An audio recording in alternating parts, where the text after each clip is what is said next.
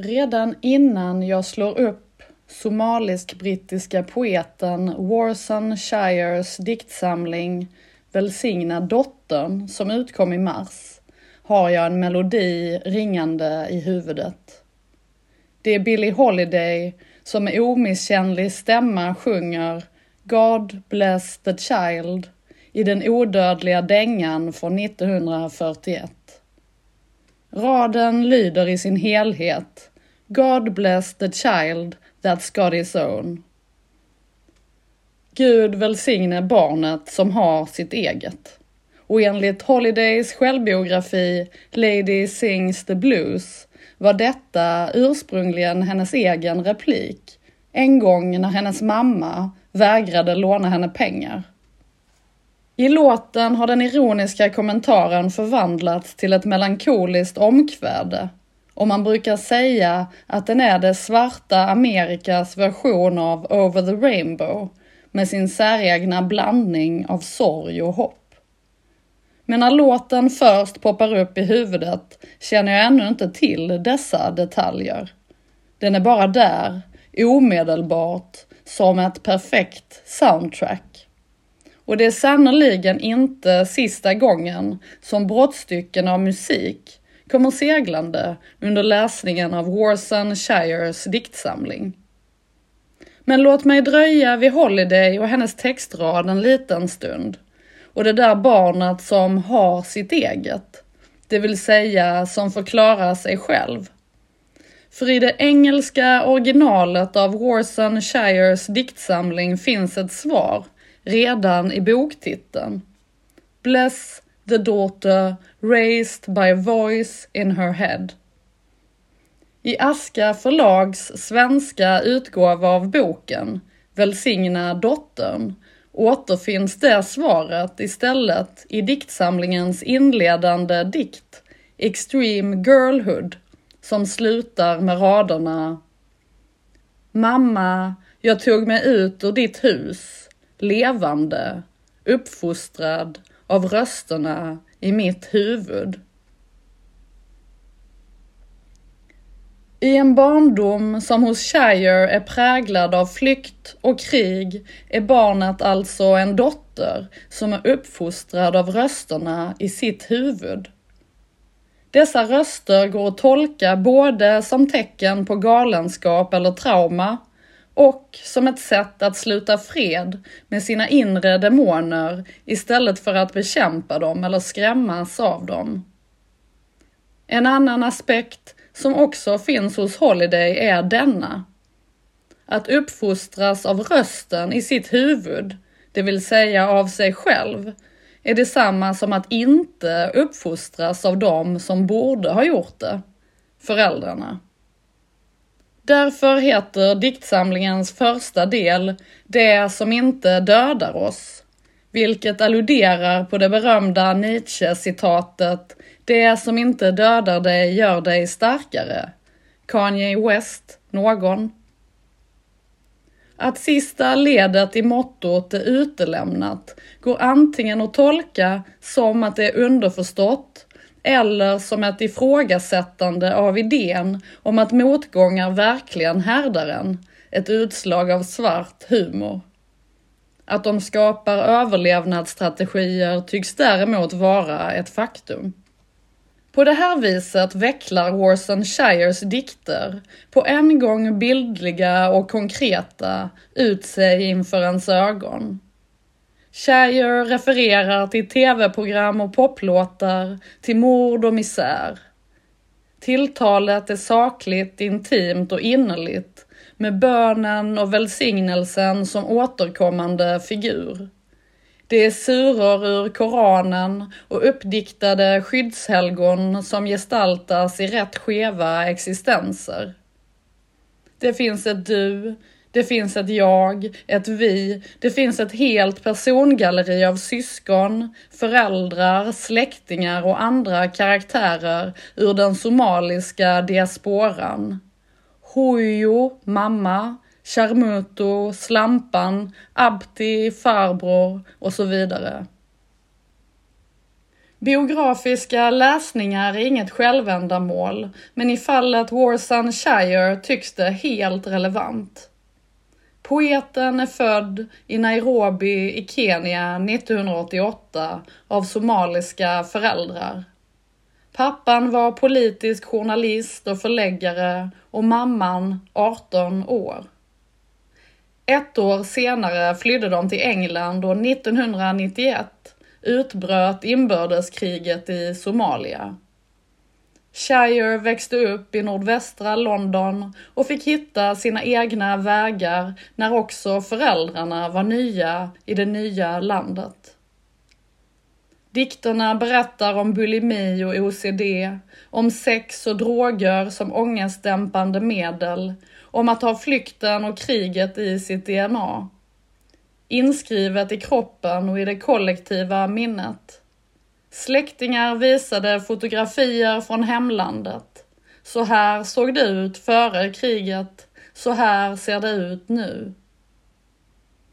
I podden från CBC Radio den 6 fjärde 2022 berättar Warson Shire om hur hon via skrivarworkshops upptäckte poesins och skrivandets terapeutiska funktion och den djupa lättnad hon kunde erfara av att skriva ner något. Den första dikt hon läste var en dikt av Chinua Achebe och fascinerades av diktens inventering av ondskan. Shire började också intervjua släktingar och upptäckte att hon ställde frågor om deras liv och historia som ingen frågat om annat än på Migrationsverket. Hon fick ansvaret att förvalta deras berättelser. De är också mina, som hon säger. Warson Shire har publicerat flera chapbooks, varav Lära min mor att föda finns översatt till svenska sedan tidigare. Hon har haft ett mycket populärt Tumblr-konto. För den stora publiken slog Shire dock igenom i samband med Beyoncés visuella album Lemonade 2016, som innehöll flera av hennes dikter. Välsigna dottern är hennes debutdiktsamling och består av dikter skrivna under en tioårsperiod och jag utgår från att det är poetens popularitet som gör att den svenska översättningen utkommer i stort sett samtidigt som originalet i mars 2022. Boken är indelad i fyra partier. Det som inte dödar oss, det här är inte en kärlekssång, namnet på en låt av brittiska Public Image Limited. Är du där Gud? och Vittnesbörd. Tyvärr hittar jag en klassisk miss i korrekturet. Några titlar skiljer sig mellan innehållsförteckningen och själva boken. Extreme Girlhood heter till exempel Extreme Childhood. Och nu är det dags för en fråga. Välsigna dottern må vara en utmärkt och suggestiv titel på en diktsamling, men låter den inte lite platt i jämförelse med originalet? Boken heter ju som vi har sett Bless the daughter raised by a voice in her head. Bokstavligen välsigna dottern uppfostrad av en röst i sitt huvud. Vad gäller boktitlar till översatta böcker så är det alltid förlaget som har sista ordet, inte översättaren. Det skulle vara intressant att höra hur Aska förlag har resonerat för att stryka halva titeln. Generellt uppfattar jag nämligen Judith Kiros överföring av Warsan Shire till svenska som varsam och lyhörd snarare än drastisk. Som översättare är det lätt att dras med i en översättningsiver där allt ska översättas till varje pris. Men frågan är såklart vad man gör med ett språk så infiltrerat av engelska ord som svenskan. Här har Kiros gjort en, i mina ögon, perfekt avvägning. Självklart ska textraden My loneliness is killing me ur Britney Spears låt Baby one more time stå kvar på engelska.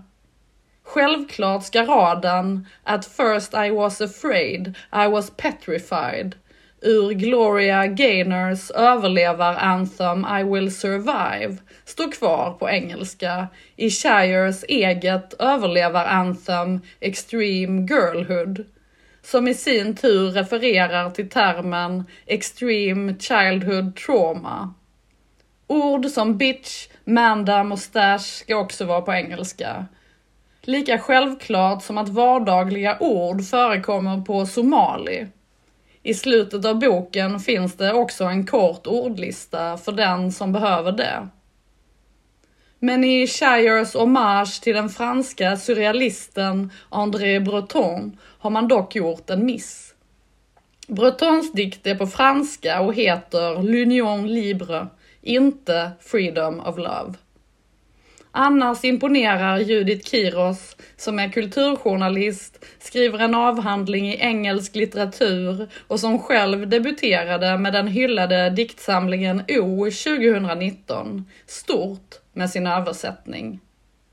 Dikterna har en lugn, återhållen rytm, ett dovt grundackord precis som hos Shire, samtidigt som de kan brista ut i assonanser och allitterationer som kacklade och fladdrade, hus och huvud, vettlös av tröst, klar som en kallelse, mjuk som en mogen mango och välsigna vår söta Victoria.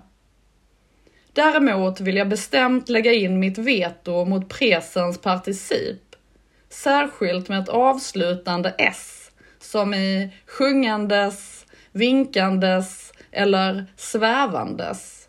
Och formuleringen citat efter åratal av att knulla kvinnor som inte kan uttala ditt namn, slutcitat, ekar av det engelska originalet. Warsan Shires dikter har kallats för Poems of Resilience. Resiliens innebär en förmåga att stå emot och klara förändring. Jag tänker på det när jag läser dikten Assimilation, där diktens vi är citat, oförmögna att skära flyktingen ur hjärtat, slut citat det vill säga inte kan göra sig av med sin historia, sin smärta och sina minnen. Istället bildas ett slags skydd, citat. Flyktingens hjärta utvecklar ofta ett yttre lager, en assimilation, Slut citat och citat. Kan man inte gro den extra huden dör man inom de första sex månaderna i värdlandet Slutcitat. Det rör sig om överlevnadsstrategier återigen.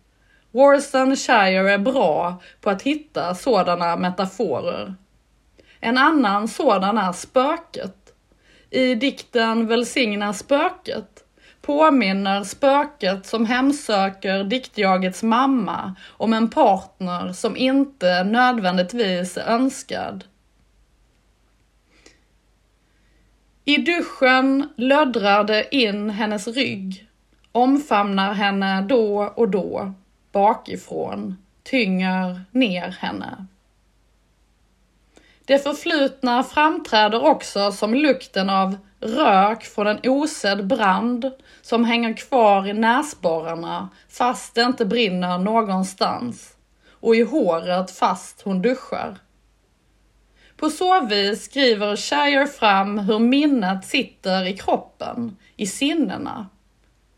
I det nya landet finns både nya och gamla helgon, nya och gamla gudar. Till exempel knäböjer Warson Shires unga bulimiska diktjag vid en toalett och tillber citat de smala kvinnornas gud, slutcitat. Hon drömmer också vita drömmar, drömmar om att vara vit. I dikterna pågår en parallell sakralisering och desakralisering. Att stå på knä vid toaletten och kräkas blir till en bön. Att knulla en besvärjelse. och ett besök på en nagelsalong förvandlas genom den utsträckta handen till ett besök hos en spådam.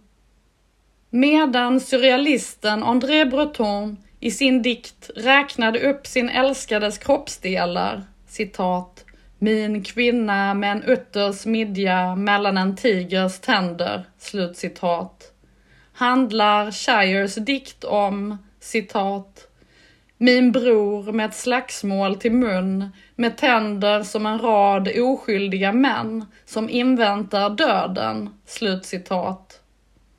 Citat, hans hals är en pistol som kastats i floden, slutcitat. En annan dikt som i sitt bildspråk delvis påminner om Breton är diktsamlingens stora hit Hem. Dikten skrev Warson Shire efter att ha besökt före detta somaliska ambassaden i Rom, som beboddes av somaliska flyktingar. I podd efter podd blir Shire ombedd att läsa den och det gör hon med djup röst och lugn diktion. Prosadikten Hem börjar med raden citat Ingen lämnar sitt hem såvida inte hemmet är hajens mun. Du lämnar bara ditt hem om hemmet inte tillåter dig att vara kvar. Slutcitat. Och längre ner, citat. Ingen sätter sina barn i en båt om inte vatten är säkrare än land. Slutcitat. Hem, denna förmodade urplats för trygghet, har i dikten förvandlats till en livsfarlig plats. Det står också Hem är en pistolmynning.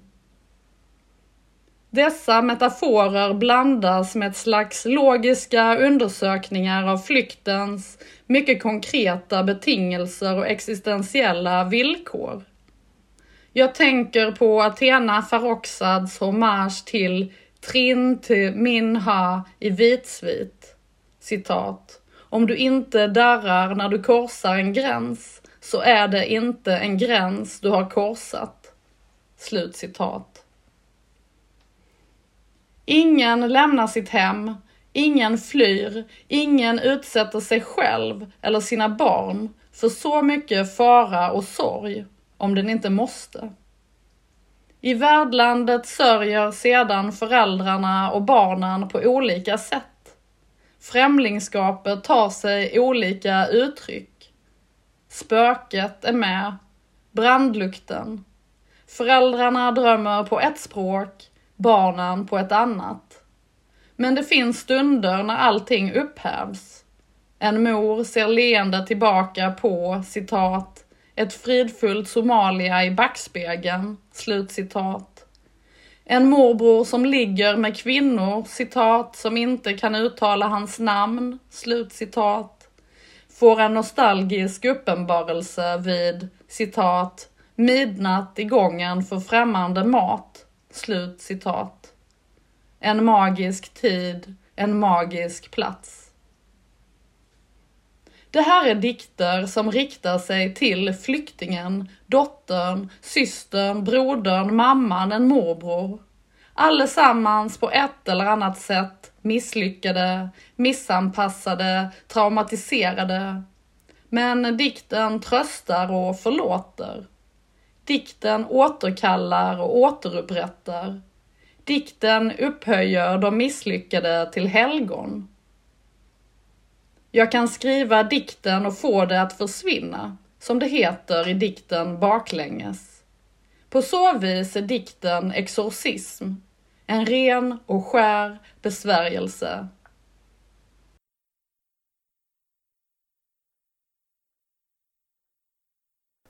Den här recensionen är originalpublicerad på www.ornenochkrakan.se under ansvarigt utgivarskap.